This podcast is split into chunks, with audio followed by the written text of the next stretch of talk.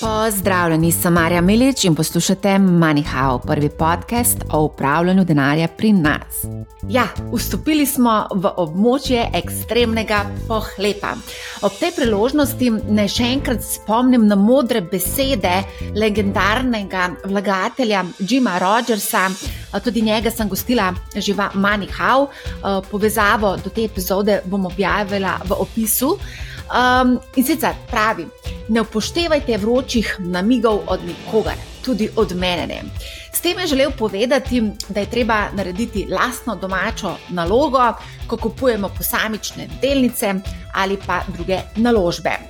No, preden gremo na današnjo vsebino, naj vas še enkrat spomnim na dogodek MoneyHow Live z naslovom Veličastnih sedem in slovenska borzna pomlad, recept za modro investiranje.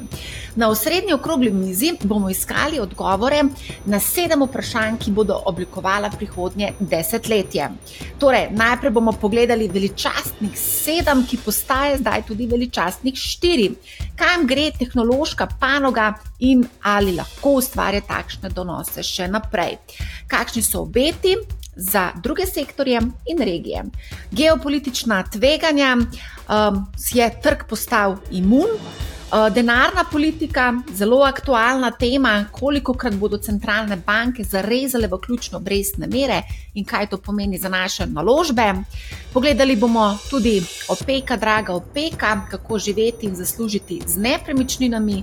Kitajska je to novi črni labod ali neverjetna priložnost. Seveda, kaj se dogaja na kriptu, Bitcoin in prijatelji, promptni ETF-i, kam gre razvoj denarnega sistema in kje bomo čez deset let. Vabljeni, zanimivo bo, dogodek se bo zgodil 24. aprila v Kristalni palači. V tokratni epizodi pa bomo razpravljali o rekordih, ki jih beležimo kar po tekočem traku. Gost je povratnik na Manihau, Aleš Grbič, oziroma Aleš Grbič, ki upravlja sklade pri družbi Sava Infant in je specialist za informacijsko in komunikacijsko tehnologijo. Zdravo. Zdravo, Marja. No, rekordi kar padajo. Ameriški indeksi so ravno pred dnevi dosegli nove rekordne ravni. Pravzaprav niso samo ameriški indeksi na rekordih, so tudi evropski, pa japonski, torej padajo rekordi na rekorde. In tam le nekdo pri tebi razbija. Ja, pri nas že preslavljajo. Rekorde, je. Ja, mislim, upam, ne, da ni to. Uh, no, verjetno ni eh, tako, kot je bilo v konec 20 let prejšnjega stoletja, ampak vseeno uh, zanimiv, so zanimivi rezultati. Ne? Sej dejansko se stvar se nadaljuje iz lanskega leta in kaj, goni, dve, dva katalizatorja sta bila lani. Eno je upanje o tem, da so obrestne mere dosegle vrh, drugo pa um, umetna inteligenca ki je od začetka lanskega leta začela boriti duhove. In, in kaj se je zgodilo? Predlagam, da pogledamo, kdo so bili lanski zmagovalci. Preden, ne, ne, ne, no, ne, ne, ne bova šla kar na lanske zmagovalce, niti na letošnje, hočem, da greva najprej na eno bolj relevantno tematiko in sicer uh, ta. Norost, ki se trenutno dogaja. Stopili smo v območje ekstremnega pohlepa, uh, In z rekordi so prišli tudi, seveda, prodajalci vročih žemljic.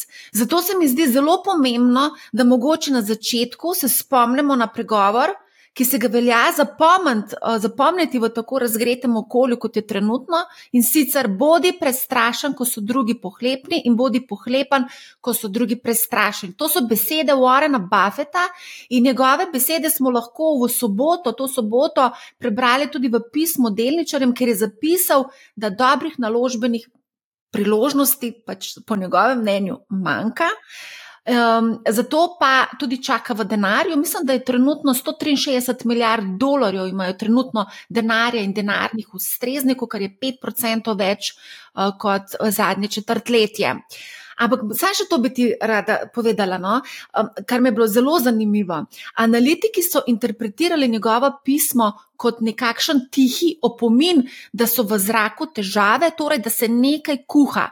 In Buffett, to je pa citat, Buffett zdaj šepeta, v, v preteklosti pa je uporabljal megafon šepeta, bodite zelo previdni. To je recimo povedal Cole Smith, ki je predsednik investicijske družbe Smith Capital Management. In ko se pogovarjam s poznavalci, borznimi poznavalci, pravijo, da se ta pravljica, ki smo ji pričali, da je te rekordi na rekorde, lahko vleče še nekaj let, vendar. Ko bo treščilo, bo treščilo tako, kot še nikoli doslej. Torej, Aleš, koliko časa se bo še ta pravljica z naslovom Dežela rekordov nadaljevala?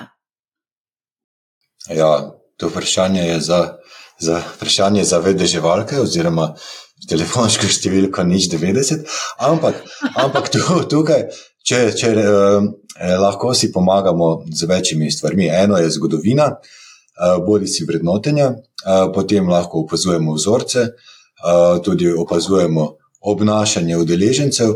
In sigurno moram pritrditi, ne, da, da se nahajamo v nekem okolju, kjer nekaj, nekaj udeležencev zapušča razum. Uh, in se, sentiment, sentiment je takšen, da se, sem vesel, ne, da pride do česa takšnega in da ljudje lahko realizirajo uh, dobre donose, ampak uh, tu bi se vedno, vedno bi se, bi se vrnil k temu moram imeti ustrezen portfelj, kateri, katerega bo imel tako v dobrih kot slabih časih. Ne vem, zakaj bi bolj tvegal, ko, ko ekstremno raste, pa bil zelo previden, ko ekstremno pada. Ne. Kvečemu drugače bi človek moral. Človek mora delovati proti svojemu lastnemu gonilu, strahu in pohlepu. Ne. Takrat, ko so vsi prestrašeni, takrat smo lahko bolj pogumni, tisti občutek v želodcu, ko nas stiska, eh, da nas je strah, kaj če bo res eh, konec sveta ali pa kaj če, če se zgodi to pa to. Ne? Potem veš, da, smo, da imaš nadpoprečno možnost, da zaslužiš.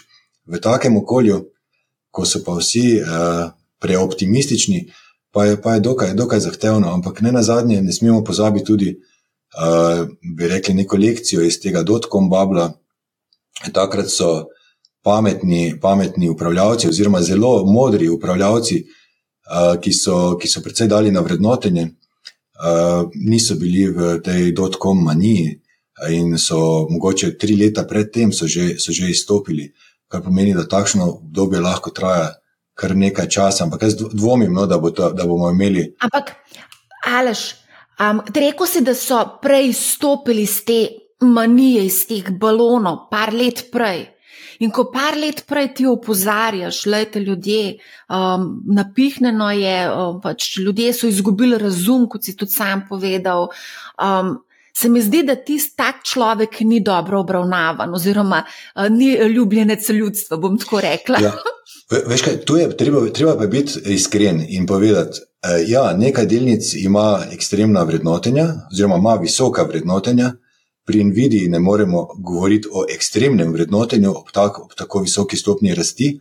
Uh, je pa nekaj podjetij, ki pa sigurno si ne zaslužijo tako visokih vrednotenj. Na drugi strani pa imamo sko, uh, večino delniških naložb, ki so pa vrednotene nekaj, nekaj nad zgodovinskimi povprečji. Uh, torej, če bi iz, izločili iz, naprimer, iz SP 500 indeksa 494 drugih naložb, razen teh veličastnih šest, so, so vrednotenja znotraj teh zgodovinskih poprečij. In, in zdaj imaš več scenarijev, ne, ali se bodo te, tudi teh 494 drugih naložb spustilo oziroma utrgalo iz verige, ali bo ostalo tukaj, tu, tu, kjer smo, ali pa sploh ne bo.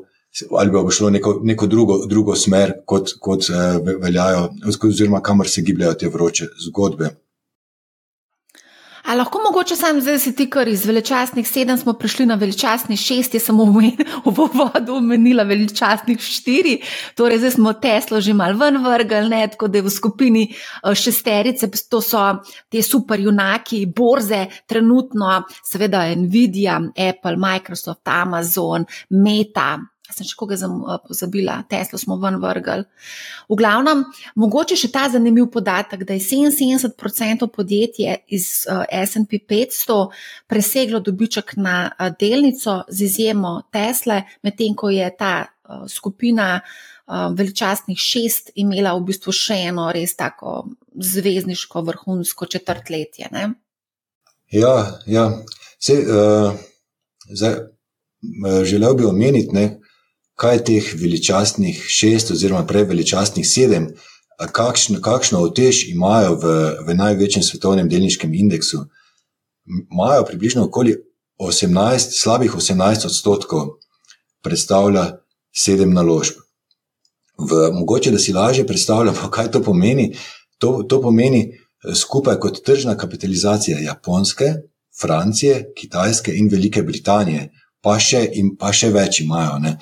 Uh, in, in to pomeni, da so postala ta podjetja zelo, zelo uh, nepogrešljiva. In tudi, kar sem želel reči, da lanski zmagovalci so bili teh veličastnih sedem z enkratnim donosom, oziroma neverjetnim donosom Nvidia, preko 200 odstotkov, meta nekaj manj kot 200, s tem, da je meta imela prej občuten padec ne, in meta kot od nekega odbedaka do enaka prihodila, prihodila pot. Uh, In tudi tisti, ki so pač kupovali takrat, ko je bila krina v ulicah, se danes res eh, lahko štejejo te dobičke, pa vnočujejo.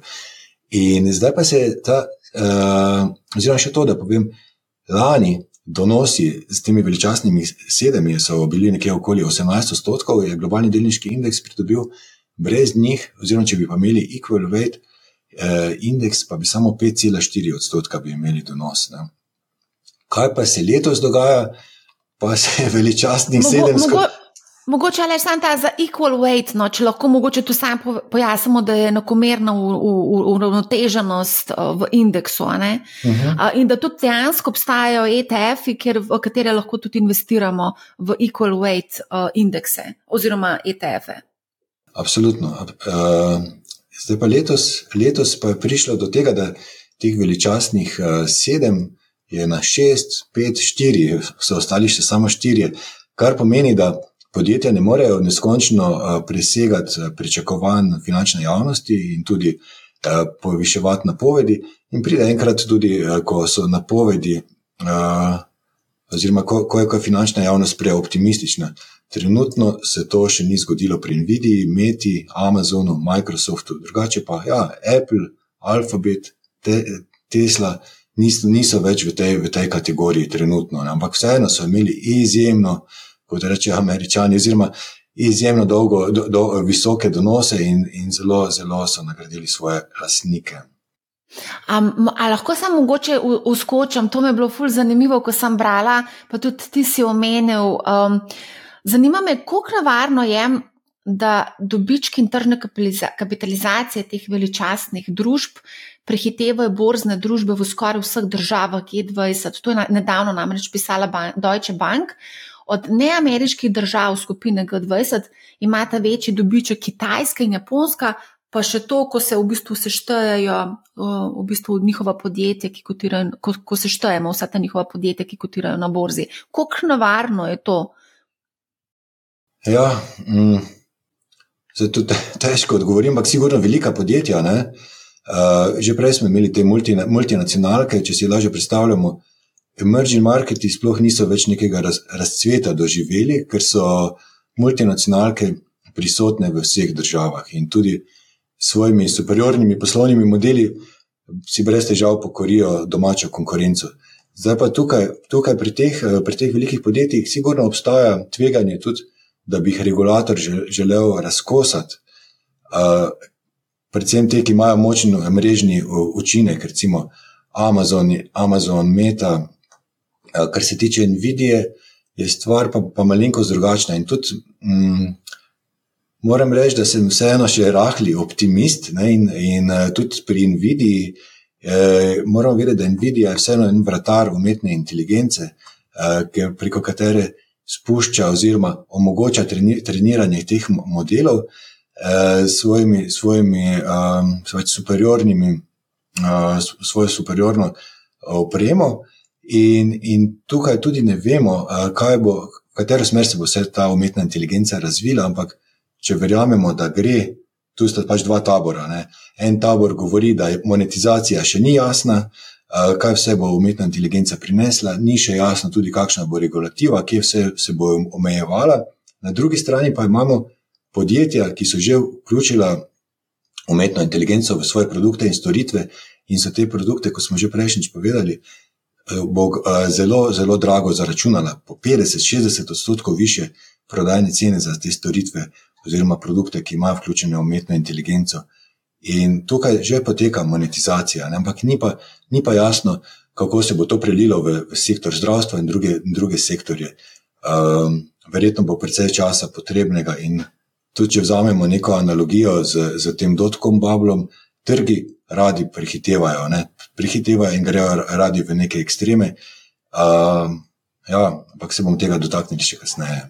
Um, ali lahko mogoče en zelo tak zanimiv graf sem našla, uh, ki prikazuje v bistvu trenutno razmerje med ceno in dobički ter rastjo, PEG, se pravi Price to Earnings to Growth, uh, ki v bistvu kaže, da so vrednote na teh veličastnih sedem še vedno nižje od preostalega SP 500, to, kar si že v bistvu povedal.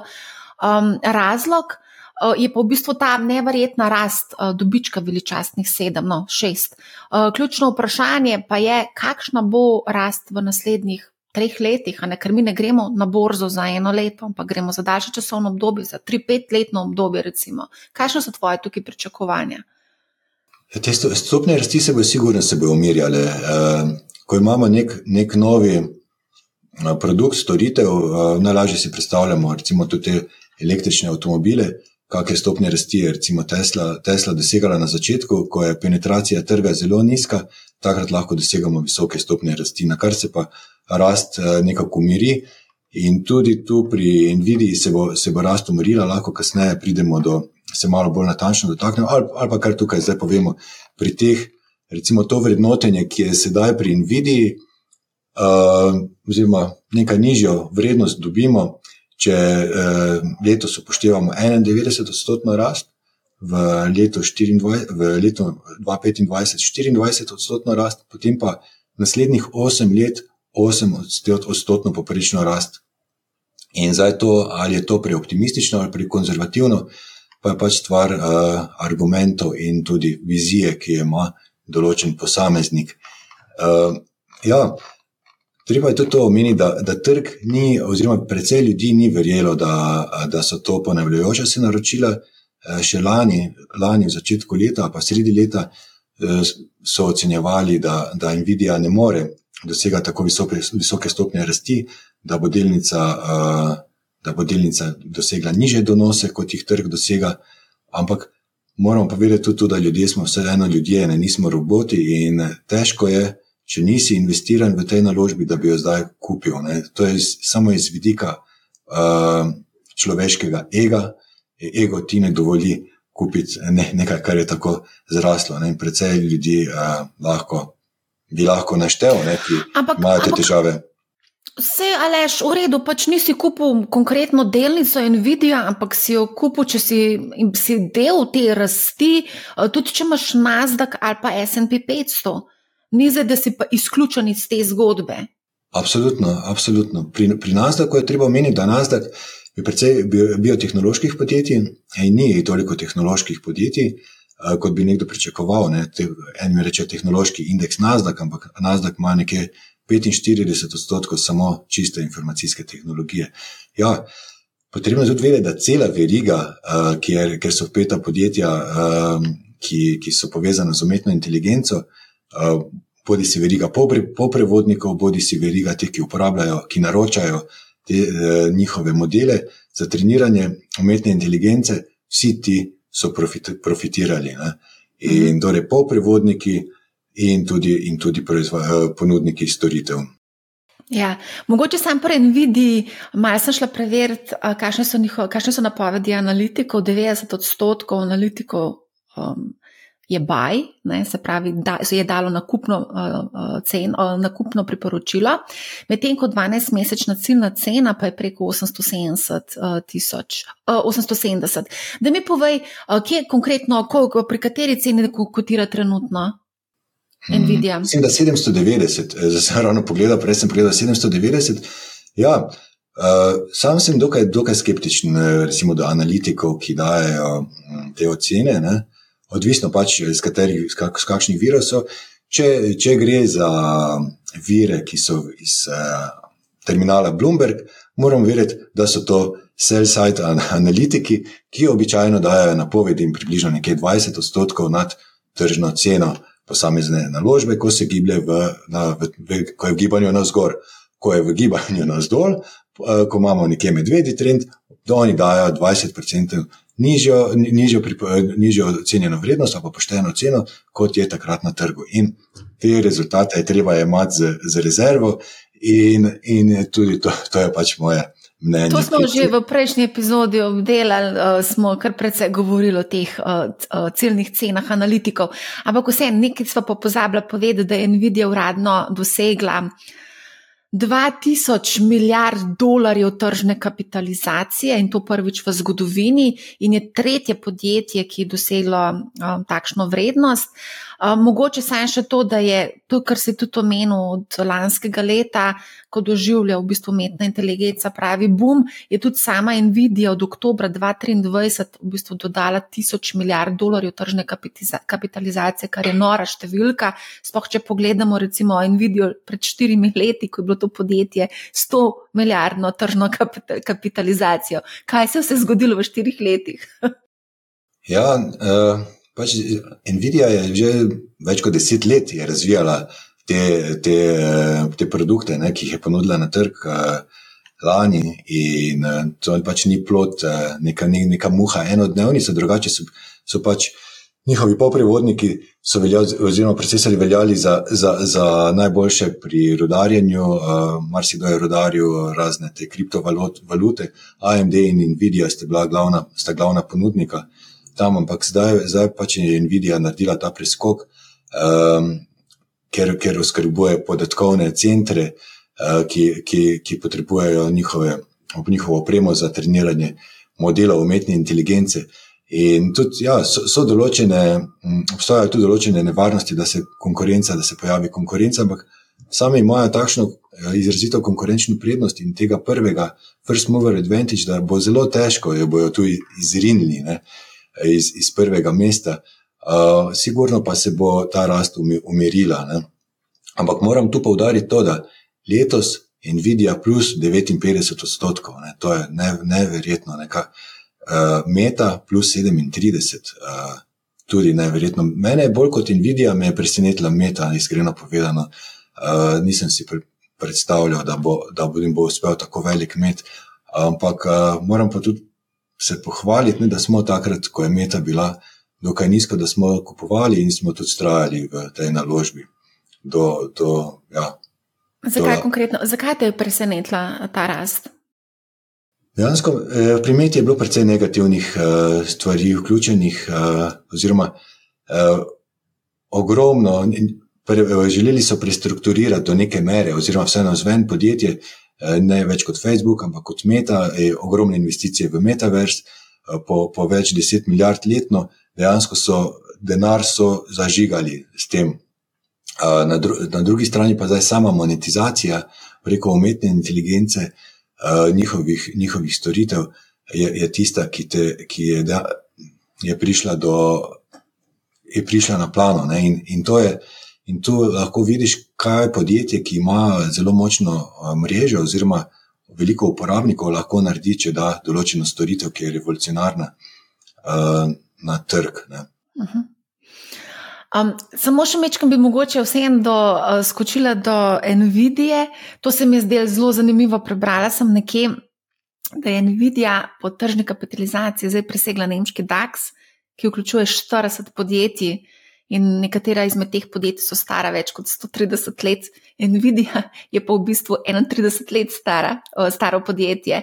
Pa zanimivo mi je tudi to, koliko je v bistvu nekega pompaštva okrog te delnice.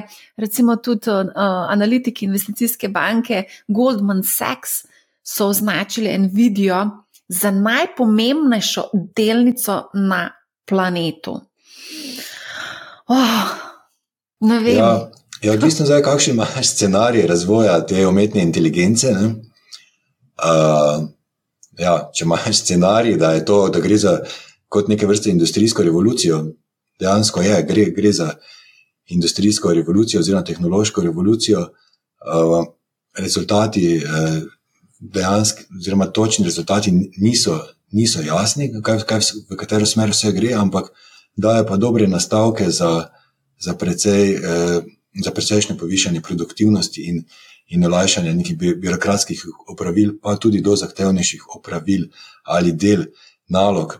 In, in tu pač uh, verjamem, ne, da, da so Goldman je, no, je navdušen na takšno naložbo, verjetno tudi sami imajo kaj tega, ampak, ampak mislim, da vsakdo, ki se poglobi v njihovo poslovanje uh, in se poglobi tudi v to umetno inteligenco, je, je, se navduši, ni, ni se težko navdušiti. To je iskreno povedano.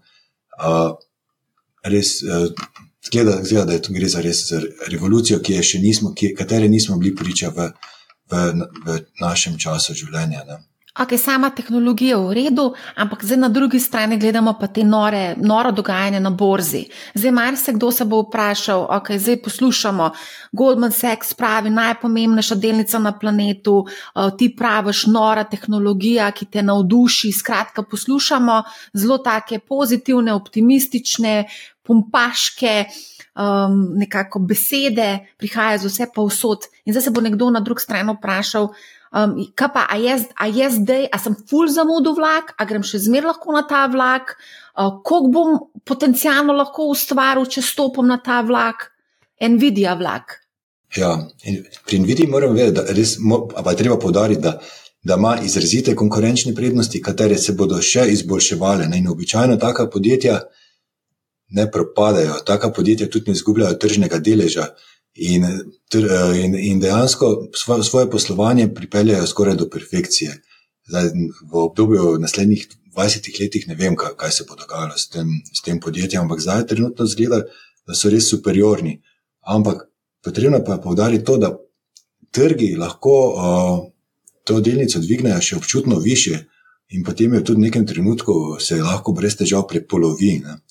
Torej, nekdo, ki je pripravljen tudi na 50-odstotni padec, se lahko, lahko vstopi v to naložbo, ampak seveda z zmerno utežjo, ne 100% vseh naložb v Nvidijo, ne, to, je, to je blaznost. Nekdo, ki bo kaj takega naredil, pač ni, ni eh, z, eh, z vidika finančnih analitikov, ni, ni trezen. Ne.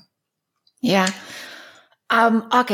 Um, ampak ampak še, to, ampak še tu, tu zdaj, recimo, kaj, kaj lahko upraviči? Uh, oziroma, Ti zadnji rezultati Nvidia so bili spet bombastični rezultati, ampak to pač pogovarjamo se samo o Nvidia. Ampak ja, naročila, uh, uh, kupci stojijo v vrsti in, uh, in vsi, vse, vsa ta vodilna, vodilna podjetja na področju poslovanja v oblaku, ne, kot so Microsoft, Google, Meta, oni so odprli mošniček do nezavesti, investirajo kot nori v, v, v to tehnologijo, oziroma potrebujejo te modele za treniranje umetne inteligence. In tudi sami načrtujejo, da bodo še poviševali te investicije, da bodo lahko zadovoljili to popraševanje. In, in zdaj, ko si v takem, v takem okolju, ja, res je, mislim, da dosti gre iz tega navijaštva. Ne? Tisti, ki niso bili, sovražijo, tisti, ki imajo, so, so veseli. E, treba je ohraniti trezno glavo in imeti nekaj ustrezen, ustrezen ponder, če že, če že ustrezen ponder v tej naložbi, ne pa pretiravati. Ne? To, to je samo ena izmed naložb in ne bi ne bi zdaj eh, eh, delal kulta Nvidije, eh, ampak je ena izmed naložb v tem eh, finančnem univerzumu. Eh, res super poslovanje, eh, super napovedi in pač zdaj sije. Ne, ta zvezda, njena zvezda sije, kako dolgo bo sijala.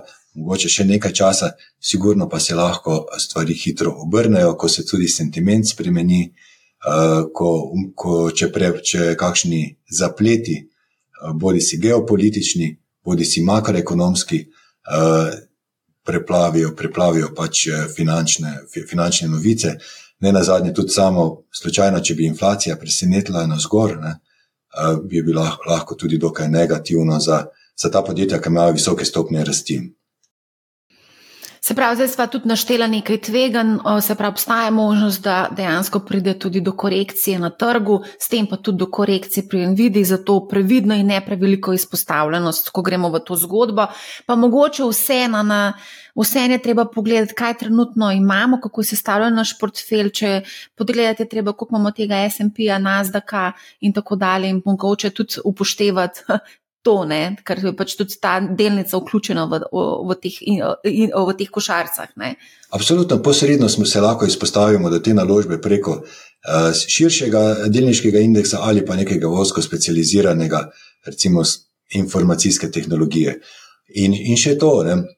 zdaj, če, uh, če rečemo, prodaja, glede na lansko leto, se je Nvidia povečala za 265 odstotkov glede na preteklo četrtletje 22 odstotkov in tudi ogromno popraševanja, ki, ki nekako te navdaja z mirnostjo za srednjeročno in dolgoročno rast, kar pomeni, da to ne bo neka muha e, enodnevnica. In so, so, to so neka opravičila, da, da bi lahko ta delnica zdržala na visokih ravneh, zdaj ne vem, če na teh, ampak to je nek, nek podatek in tudi pričakovan price earning za naslednje leto. Eh, torej pričakovan dobiček eh, je manj kot 30, to, to pomeni, da nekje okoli 25 ne moremo govoriti o, o res tistem ekstrem, ekstremnem, pa ekscesnem balonu, ko imamo price to earnings, pa bodoče price to earnings preko 100. A lahko mogoče tle, zdaj, ko omenjava price to earnings, jaz sem šla malo pogledati zgodovino. Uh, ko primerjamo razmerje med tečaji in dobički. In tukaj dejansko vidimo, da je še zelo veliko za napihovanje, prostora za napihovanje tega balona. Najprej smo govorili o napihovanju balona oziroma na balonu, o balonih. Um, recimo ta hip je razmerje uh, price to earnings, um, veličastnih sedem. 45-kratnik, medtem ko je bilo to razmerje v dotkom, torej pred pokom tehnološkega balona, 65-kratnik. Torej, matematika ti tukaj pove, da bi morali tečaje v povprečju kotirati 44% više kot danes, da bi bili v podobnih okoliščinah kot v dotkom. Um, tem balonu.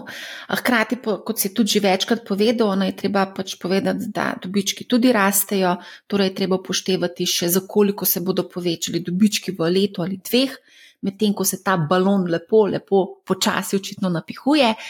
Dobički veličastnih sedem pa so poprečju zrasli za okrogli 40 odstotkov, in če dodamo še to rast, potem bi lahko tečaj kotirali tudi dvakrat više kot danes. Um, vendar zanimivo mi je to, da se mi danes ne ukvarjamo s tem, ali gre za balon, ampak koliko se pa lahko ta balon še napihne.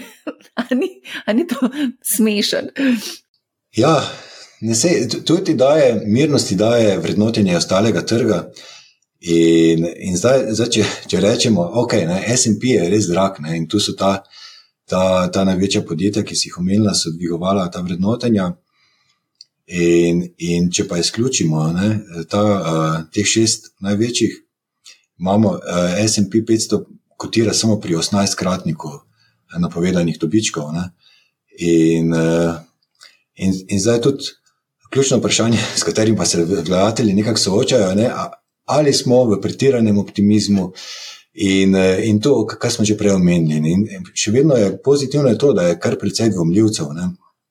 To pomeni, da bo lahko še, imamo še možnost, mo, mo, možnost rasti. Ampak uh, meni ni všeč, če uh, neka stvar uh, samo raste in, in fajn je tudi, da pride do, do določenih pacev, da se kri malo prečisti, kot rečemo, uh, tiste nek, roke, ki, ki niso dovolj trdne, jih eh, tisti prodajo. Eh, in, in se ta, in ta zgodba se vse čas ponavlja. Ne.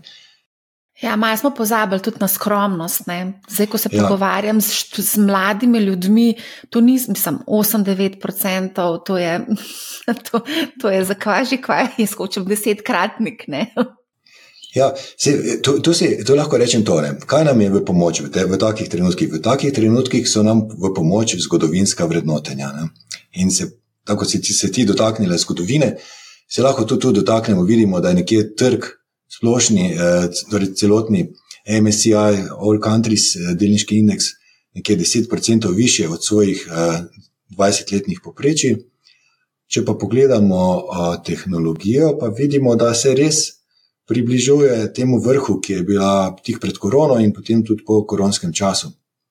Imamo nekje price earnings, pričakovan price earnings okoli 29,5, uh, poprečen v zadnjih 20 letih pa je znašal 17,6 kratnik. Ampak ja, tu je res, je, ne, da, da neki indikatori kažejo, da bi lahko mogoče bili na vrhu, ampak tega ne vemo, zato pa rajši imamo ustrezne ponderje. Uh, in zdaj, če bo šlo v neki ekstrem, bomo pač postali bolj previdni. Um, pa, kako pa recimo to komentiraš zdaj? Opazila sem, da številni milijarderji prodajajo svoje naložbe. Bezos je prodal Amazon za 8,5 milijard dolarjev, Mark Zuckerberg za 428 milijonov, še Jamie Dimon za 150 milijonov, tudi Bill in Melinda Gates sta oziroma fundacija so prodajali uh, delnice. Kako pa to lahko razumemo? Ja, sigurno je to nek signal, če bi ga uh, kot navadni, recimo, vlagatelj, ali poprečen vlagatelj, bi, bi ta signal verjetno si lahko razlagal dokaj negativno. Ampak, uh, ko vzamem v nekak uh, v pogled, da so običajno, običajno imeli delniške opcije, uh, za katere uh, te delniške opcije so, so pač na čas njihovega delovanja v podjetju bile, bile vezane. Uh, in za te delniške opcije, da so jih lahko realizirali, uh, namesto da bi same opcije prodali, da so kupili delnice, so pač potrebovali svež denar. Ne? In del tega denarja so lahko zagotovili z prodajami svojih obstoječih naložb. Del pa je sigurno, gre za razpršitev premoženja in tudi monetizacijo, oziroma samo realizacijo dobičkov, ki jih imajo. Ne? In tudi, uh, ja, verjetno verjamejo, da so naredili dober posel ne? in zato tudi prodajajo. Uh, ampak tu pa lahko, lahko damo v, nekak, v korist, eh, oziroma te prodaje niso vedno znanilec, da, da je nek lokalni vrh. Marsikdaj se je v zgodovini se izkazalo, da so, so prodajali direktori podjetij eh, delnice, katerih so oni bili direktori, so te delnice še občutno še zrasle, ne, še občutno še više. Tu gre za to, ali so ti poslovni modeli vzdržni, ali so dovolj robustni in uh, na podlagi tega se odločamo. Je pa to sigurno en znak za določeno previdnost. No, tudi Warren Buffett, eh, konc koncev, nam še peta, da se nekaj dogaja v zraku. v glavnem, ok, a gremo mogoče zdaj vsem pogledati uh, panoge, SP 500 panožno pogleda, uh, igralci iz panoge tehnologije komunikacije v zadnjem letu uh, so pač uh, res odlično imeli odličen performance, če temu lahko tako rečem. Ampak, če pa pogledamo zdaj eno mesečno obdobje, ki je relativno kratko, pa vidimo v bistvu, da nekako v spredje prihaja tudi um, energija, potem consumer staples, se pravi potrošne, nujne potrošne dobrine, kaj imamo še? Finance. Medtem ko sama tehnologija mečkan nazaduje, kaj se tukaj dogaja? Ja, sigurno, sigurno lahko prihaja do rotacije med sektorji, ker določeni sektori bi nekako svoj zagon, da se je izpel. Ne? Eh, na drugi strani pa imaš občutno cenejša podjetja z nižjo stopnjo rasti ali pa brez stopnje rasti, in se vlagatelji v njih počutijo bolj, bolj varne. Um, ne bi zdaj, oziroma lahko tudi, re, lahko tudi rečemo to, ne, da, da gre, včasih uporabljamo. Za, za, da določimo, kje se nahajamo, v, ali se nahajamo v nekem ekstremu, uh, opazujemo razmerje med uh, dvema slogoma, med slogom, uh, ki ga v tujini reče growth ali pa value. Growth to pomeni, da so podjetja, ki imajo nadpoprečne stopnje rasti, predvsem gre za informacijsko tehnologijo in komunikacijske storitve, in njihovo razmerje do sloga value, ki, ki ga naj, najpogosteje uporabljamo za sektor energije in tudi materijalov. In uh, tako kot smo zdaj na visoko, uh, malenkost više smo bili leta 2000 in leta 2021, in takrat se je tudi obakrat se je zgodil obrat, uh, v, v, da so potem delnice uh, oziroma sektor energije je občutno pridobil. Zdaj se nahajamo nekje 10 bazičnih točk niže, recimo kakih slabih 10 odstotkov nižje kot v, kot v teh dveh primerih. Um, ja, sigurno pa, pa je cena energije oziroma energentov nafte, nafte plina predvsej povezana z, z gospodarsko aktivnostjo in pričakovanji o gospodarski aktivnosti. Hrati pa stvari še bolj, še bolj zaplete geopolitična situacija. Absolutno, če bi imel za nasprotnika Putina, bi nafto spustil na 40 dolarjev za soček za daljše obdobje in plin na, na toliko, kot je, kot je zdaj v Združenih državah Amerike ali pa še niže, in potem bi se verjetno lažje, lažje pogajali z Rusijo, oziroma lažje bi se stvari uredile. Se pravi, eh, ko govoriva o energetiki, kako ti vidiš to? Zdaj, marsikdo bo rekel, da okay, informacijska tehnologija, komunikacijska je mogoče predraga za mene, medtem ko potlačena je bila energetika, a je tukaj zdaj priložnost, da uskočim. Ja, odvisno, kakšen je scenarij glede cen, glede cen energentov, ne predvsem nafte, nafte, plina za naslednje leto. In če te, če te cene ostanejo na teh ravneh, so, so ta podjetja energetska podjetja dejansko do neke mere tiskajo denar, imajo visoke, visoke dividende, so dokaj, do, lahko zelo stabilna naložba, ne, pa tudi uh, včasih preseneti v pozitivnem smislu, če bi imeli ekstremen porast cene nafte. To bi lahko prišlo do, do, v, v primeru, ne, da, bi, da bi te tenzije na Bližnjem vzhodu um, eskalirale, um, da bi uh, občutno znižali proizvodnjo, uh, Arabci, ampak na drugi strani imamo uh, tiste, ki prej niso bili v proizvodnji, recimo Venezuela je bila kar nekaj, nekaj časa umaknjena z trga, Venezuela prihaja na trg in še določeni drugi. In tudi ne na zadnje, ne na zadnje uh, je Amerika postala velik izvoznik energentov. In tu bo verjetno nek kompromis uh, vsega, vsega, vsega skupaj, ampak mislim, da bo pa geopolitika bo, bo tista, ki bo tu odigrala glavno vlogo. Uh, verjetno do konca, do konca volitev, ne, do konca tega predvolilnega obdobja, oziroma do samih volitev, ne pričakujem nekih, nekih uh, ključnih odločitev na geopolitičnem uh, parketu. Mogoče za ostrovanje retorike strani Trumpa ali pa Bidna, če boste potrebovali za, za svojo zmago, ampak de, dejansko pa se do konca volitev, do predsedniških volitev v novembru letos ne bo, ne bo bistveno dogajalo. A se vrnemo vedno nazaj na glavne igralce iz komunikacijske tehnologije, meto smo že obdelali, mogoče bi še kaj povedala o Googlu. Ja, Google je tudi izjemno dobro umeščen ta, uh, na področju umetne inteligence, tudi njihovi poslovni modeli so zelo robustni. Uh, mislim, da velja to za enega izmed blue chipov, zdaj, če človek verjame v informacijsko tehnologijo in komunikacijske storitve, je, je to ena izmed zanimivih dolgoročnih naložb. Mhm. Kaj pa recimo Netflix? Uh, tudi tud podobno, ampak sam nisem prevelik fan uh, teh naložb, raje, raje imam te uh, blue chipe, ki so, ki so vodilni na svojih področjih in tudi nimajo nimajo tako močne konkurence. Uh, dejansko nisem fan Netflixa.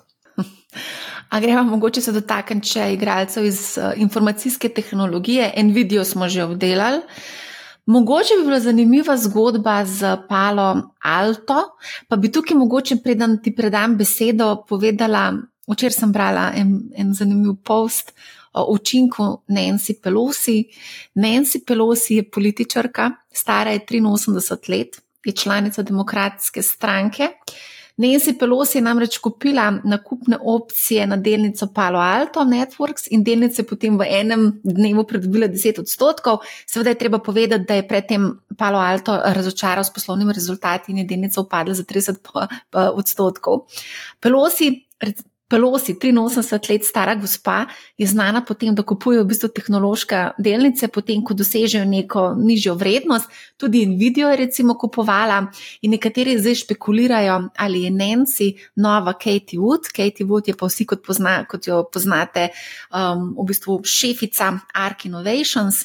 Ampak zanimivo mi je, gospa je 83 let stara, investira v tehnološka podjetja, lovi, lovi v bistvu nekako te padce, medtem ko naši 80-letniki kupujejo, pa spoh ne vem, če so 80, 66, ljudsko obveznico. Sigurno je gospa Pelosi obdana z dobrimi svetovalci. Ne?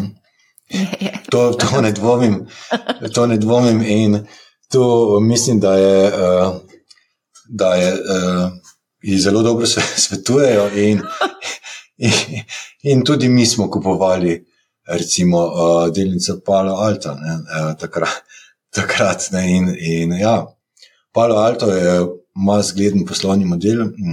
Pač pričakovanja trga so bila visoka, razočarala je raz, razočarali so z, z napovedmi in tudi z, z nižjo rastjo od, od, od pričakovanj. In, in to se zgodi, ne, ko ti razočaraš trg, brez, brez težav, 25-30 odstotkov padec čez noč. Ne. In to, to se lahko tudi zgodi pri Nvidia, ko bo, ko enkrat, ko bo razočarala. In, in tega se je treba zavedati pri vseh teh naložbah, ki so bolj tvegane, da imajo tudi uh, da so dokaj na, bi rekli, na mehkih no, nogah ne? in se jim hitro noge zašibijo.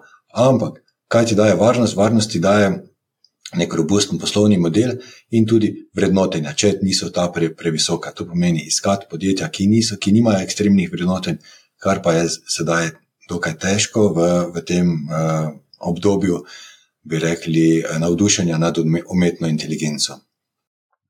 Palo Alto se ukvarja v bistvu z um, to ponuja storitev za preprečevanje oziroma kribe, za kibernetski napad, kako se reče? Kibernetska varnost. Ja. Kibernetska varnost. Skrbi, kibernetska ja. varnost ja, je to vodilno, vodilno podjetje na tem področju in tudi uh, predvsej, predvsej bo tudi pridobilo od vseh megatrendov, ki so, ki so, ki so tukaj vse omenjajo. Mm, mogoče je tudi zanimivo. Salesforce podjetje, ne, ki smo ga uh mhm. -huh. omenjali uh, že nekajkrat, uh, je tudi eden izmed teh, ki je eh, vključil umetno inteligenco, v, oziroma je že imel umetno inteligenco in povišal prodajne cene za 60 odstotkov teh storitev. Uh, in, in tudi zanimivo je to, ne, da so presegli ta agresivna pričakovanja, tako glede prihodkov, kot dobičkov v, v, zadnjih, v zadnjem četrtletju. In tudi uh, res um, podjetje je pač uh, ljubljenec teh, ki imajo radi informacijsko tehnologijo. Uh, in tudi na svojem področju market, market leader. Uh, kar, in tudi uh, knjiga Naročil se jim lepo polni, uh, rahel pospešek, kar pomeni, da vse, vse je ok. Ne. Ni pa vse ok, uh, oziroma trg pa lahko hitro, hitro kaznuje, recimo uh, Adobe je kaznoval uh mhm. -huh. zaradi uh, tega, da, bi, da bo OpenAI Open AI, uh, razvil izdelek, ki bo konkuriral Adobiju. In, in eh, delnica je, je, je, hitro, je hitro izgubila tla pod nogami ne? in zdaj se pač uh, proba opomoč. In uh, Adobe ni prvič, da se je zgodilo kaj takšnega, in, in vedno so se uspeli, do sedaj so se uspeli nekako uh, izvleči iz tega in imeti dokaj, dokaj dober poslovni model. Za koliko je pa upadel tečaj? Tu nekje slabih 20 odstotkov. Se pravi, vi to zdaj v bistvu opazujete in kar se vam zdi zanimiva naložba? Ja, mi imamo uh, Adobe kot naložbo, pa potem pač izkoristimo kak padec za, za, za stop. Uh -huh. okay, mi dva sva se na zadnje, ko smo se pogovarjali, mislim, da je bilo to septembra.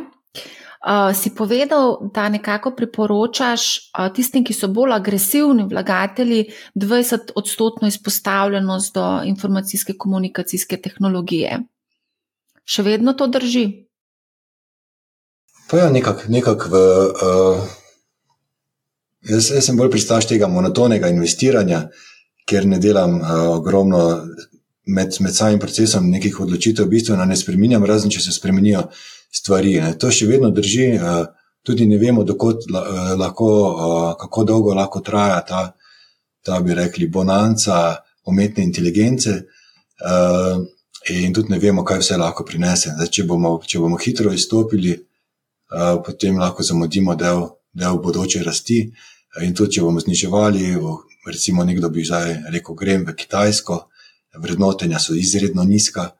Ja, kitajska vrednotenja so nizka, ne vemo, koliko časa bodo še tako nizka, kaj se mora zgoditi, ne vemo, kaj se bo zgodilo s Tajvanom, kakšen bo, kakšen bo odnos novega predsednika Združenih držav Amerike do, do, do Kitajske, ali, ali je pripravljen zaostriti uh, oziroma še poglobiti trgovinsko vojno, uh, kaj, bi, kaj bi to prineslo, in uh, za, za sama kitajska podjetja, ki pa so izjemno pocenjene. Ampak raje uh, kitajske naložbe pač imaš v nekem ponderju do 10 odstotkov, in, in uh, to je to. Ja, Kitajska se mi zdi v tem trenutnem okolju kar precej tvegana. Tudi uh, ponudnik MSCI se mi zdi, da je 66 podjetij izločil, kitajskih podjetij izločil iz tega referenč, iz referenčne vrednosti MSCI-ja. Tako da tukaj vse je treba uh, mogoče paziti na to zadevo. No? Um, Kitajsko. No? Ampak o Kitajski bom naredila eno ločeno epizodo, ker, ker, dobivam kar precej vprašanj na to temo. Um, Ok, a lahko mogoče še eno zadevo uh, se dotakneva. Prej smo omenjali tudi obrestne mere, ECB in pa FED napoveduje se nižanje ključnih obrestnih mer. Kdaj se bo to zgodilo, se zdaj malce špekulira. špekulira. Uh, napovedi uh, za FED so bile, da bodo marca začeli zniževati, zdaj se to vse mal zamika. Kako ti misliš, da bo te uh, ključno, rezanje ključnih obrestnih mer vplivalo na recimo IT panogo? Ja, mislim, da ti, ti rezi so delno so, so že vključeni v, v cene. Uh -huh. uh, in uh, ja, pač ta, ta negativni odziv, uh, oziroma negativna informacija glede obrestnih mer, je, so bile neutralizirane strani uh, izjemnih rezultatov Nvidia ne? in, in tudi, tudi določenih drugih podjetij. Uh, zdaj, sigurno, centralne banke bojo pozorno spremljali inflacijo in zdaj, po moje, ne bojo naredili te napake, da, bo, da bi prehitro začeli zniževati obrestne mere, ker če se inflacija ponovi, ne, bojo morali spet globoko zarezati. Uh, oziroma, agresivno dvigovati obrestne mere, kar pomeni, da bodo raje, raje čakali. Na drugi strani pa imamo špekulacije, da bi eh, radi eh, demokrati bi si želeli, da, da jim pomaga eh, da jim pomaga FED eh, pri tem, da bodo pokazali super gospodarstvo in se bo lahko Biden pohvalil z, z, z dobrim gospodarskim ciklom v svoji predvoljni kampanji. Uh, mogoče te, te, težko, težko je tu zavedeti, kaj, kaj se bo zgodilo, ampak sigurno, uh, če bi upoštevali samo razum, bojo, bojo odvisni od podatkov o, o inflaciji. Čim se bo inflacija začela zniževati, uh, da bo nadaljevala s trendom znižanja, bojo tudi, bojo tudi sami omilili retoriko. In razen, če pa pride do, do, do recesije, uh, takrat bi mogoče stvari lahko kako drugače se odvile. Ampak še vedno mislim, da bo raje bo tvegali gospodarsko rast, kot pa, kot pa podivjano inflacijo. To je, to je moje stališče. Uh -huh. um, okay. A greva mogoče, okay, o tveganjih smo že povedali, monetarna politika, volitve v ZDA, geopolitična tveganja. Um, tudi brala sem, da število zombi podjetij tudi uh, narašča, tako da nekaj teh tveganj je in to moramo upoštevati, da je okolje vsem, kljub temu, da smo danes samimi optimisti. Slišim, da se tudi uh, starejši ljudje na avtobusih pogovarjajo o investiranju, tako da uh, Majčkan je treba paziti, um, trenutno je res okolje razgreto. Uh, a gremo mogoče skočiti še na kripto? Zdaj vidimo tudi noro rast uh, Bitcoina, trenutno mislim, da je bilo 56 uh, tisoč dolarjev danes zjutraj, ko sem pogledala, Ether je tudi prebil 3200, preko 3200 dolarjev je, prihaja razpolovitev, halving. Imamo tudi uh, promptne ETF-e, ki investirajo eh, v kriptovalute. Veliko stvari se je zgodilo na kriptotrgu. Kako ti gledaš kriptotrg? Ja, gledam pač kot eden, eh, kot neke vrste kazino, najbolj, najbolj špekulativen premoženski razred, če lahko sploh temu rečemo. No, v prejšnjem tem bull marketu, kripto, so začeli finančni svetovalci predlagati, ameriški finančni svetovalci, da naj vlagatelji se izpostavijo do 5 odstotkov svojega portfelja ne, v, v, v ta premoženski razred, če ga tako imenujemo. Uh, in ja, pri, v zgodovini so se, se, se je ta trg gibal, uh, je bil vezan na, na ta Bitcoin halving, ta, na ta dogodek. Ne. To je bila vsa dinamika, je bila okoli tega, in tudi neki vzorci so, se, so, so bili in so se pojavili, in zgodovina se je nekako rimala. Ne? Dejansko, če si šel opazovati pretekle vzorce, si, oziroma pretekla gibanja, si našel, si našel te vzorce in, in lahko na podlagi tega napovedoval prihodnost. Uh, nekaj podobnega se je tudi zgodilo takrat, eh, ko je bil november ja, 2022, ko je Bitcoin dosegel dno.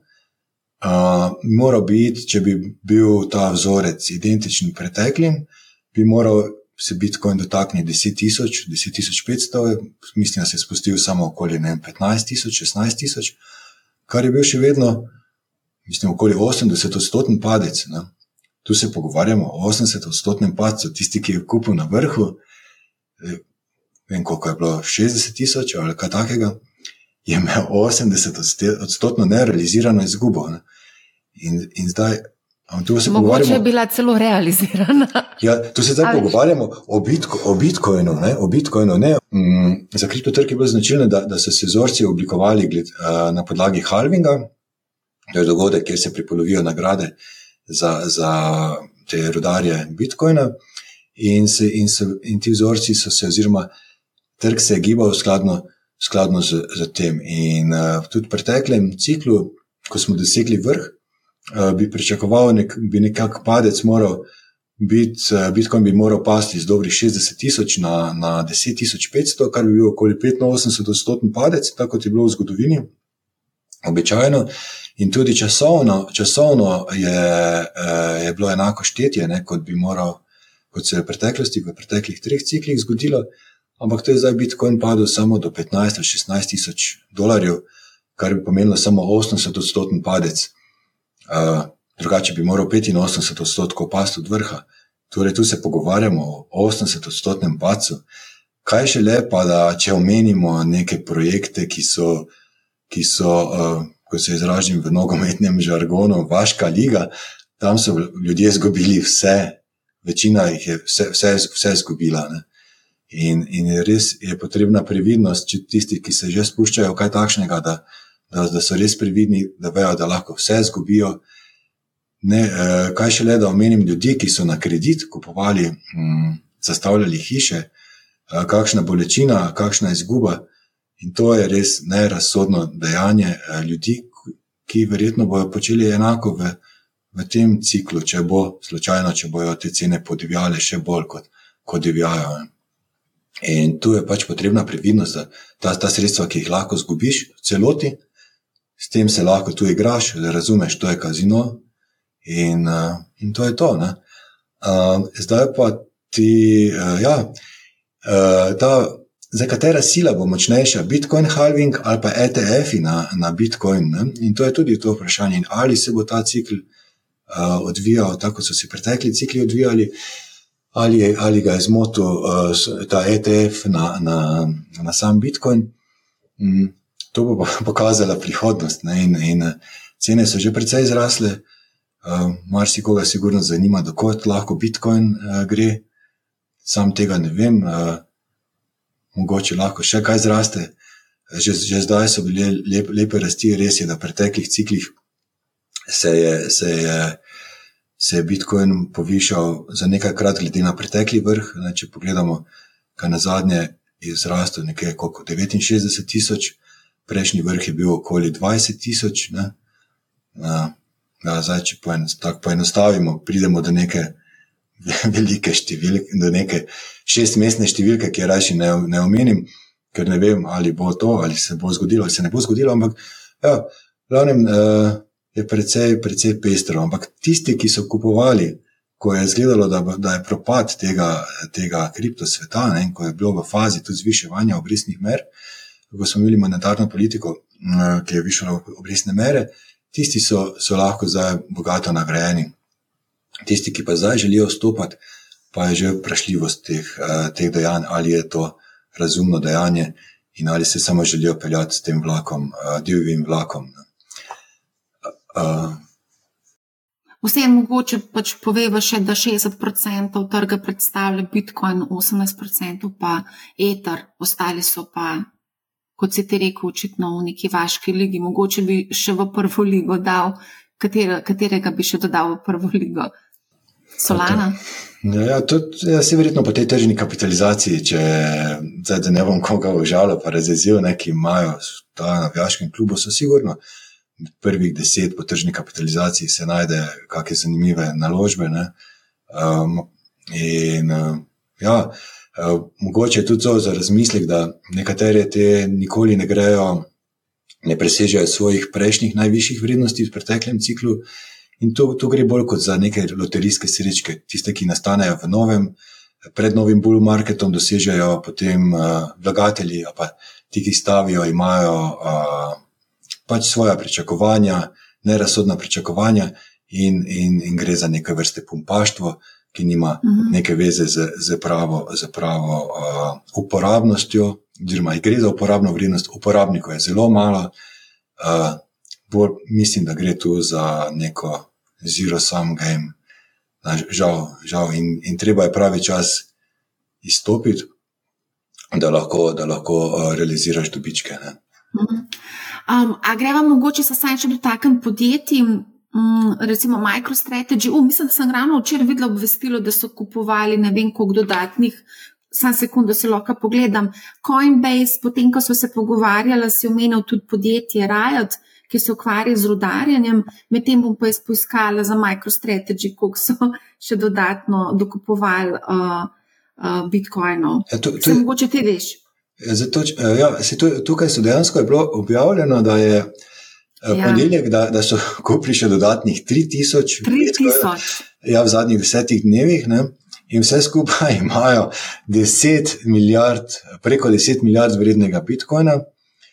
Uh, ja, in, in, in, uh, in imajo preko 4 milijarde, so pa v plusu, ne? to so objavili v, v bitcoinu. Uh, samim Bitcoinom. Oni imajo 193, sorry, se upravičujem, oni imajo 193 tisoč Bitcoinov, držijo.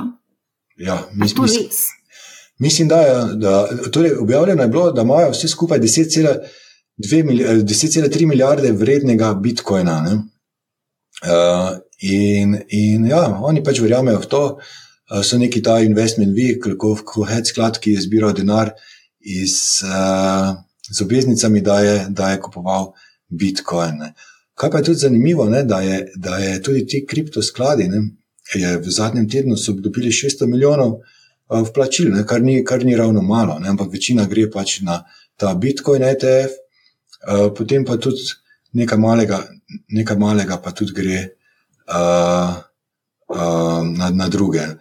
Treba pa tudi to omeniti, da dva tedna nazaj so bili ti prilivi 2,5 milijarde na tedenski ravni. In se, eh, verjetno ti institucionalci, ki želijo vstopiti v, v, v ta, na ta trg, počasi vstopajo, ne, ne želijo pretirano premikati tečaja, ampak še vedno je trg, ta trg je dokaj plitek in, in potem uh, hitro premaknejo eh, tečaje. Uh, zdaj pa, ja, ko sem omenil ta MicroStrategy, pa, pa Coinbase, pa Riot, ne, sem pogledal, me je zanimalo, da vidim to gibanje, gibanje teh Uh, ja, zelo močna korelacija z gibanjem Bitcoina. Uh, in tudi zanimivo je, da v, zadnjem, v zadnjih 12 mesecih, recimo, so pridobili ti MicroStrategy, Coinbase, pa Riot platform, ki se ukvarja z rodarjenjem, okoli 200 odstotkov ali pa še več. Ne? Sam Bitcoin pa je dosegel uh, nekje dobrih 130 odstotkov, merjeno v dolarjih.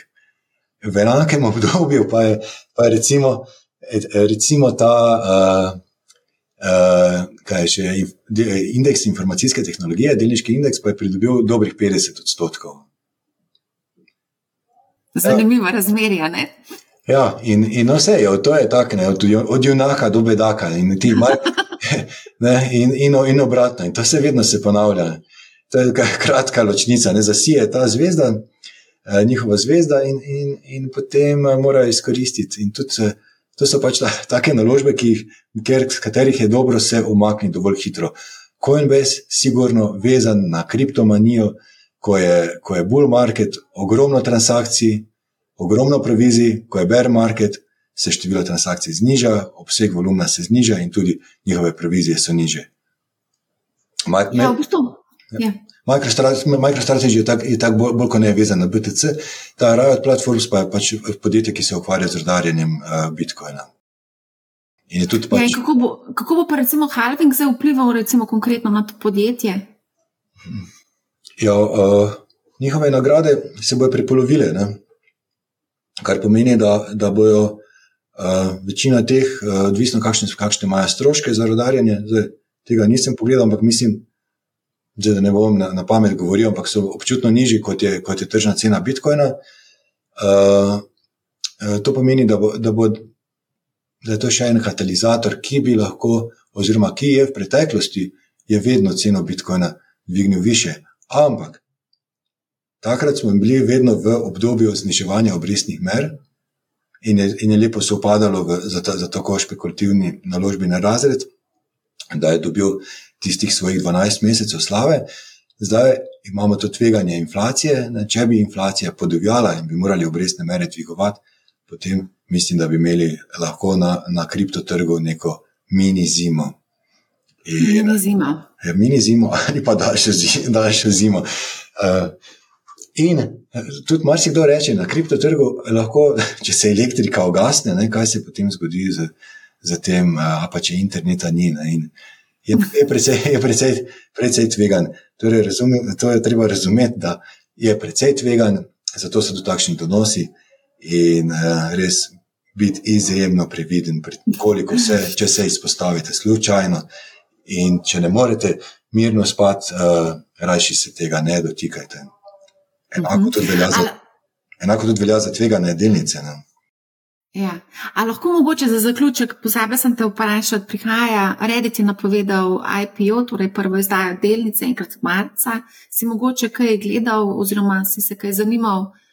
Ja, Reddit bi naj, bi naj izdal približno 10%, uh, oziroma IPO bi naredil z 10% delnic. Uh, zadnje vrednotenje je bilo nekje na 10 milijard. Uh, po, po, uh, leta 2021, no, ko so plačevali uh, skladi tveganja kapitala v v Reddit, uh, so plačevali po vrednotenju 10 milijard.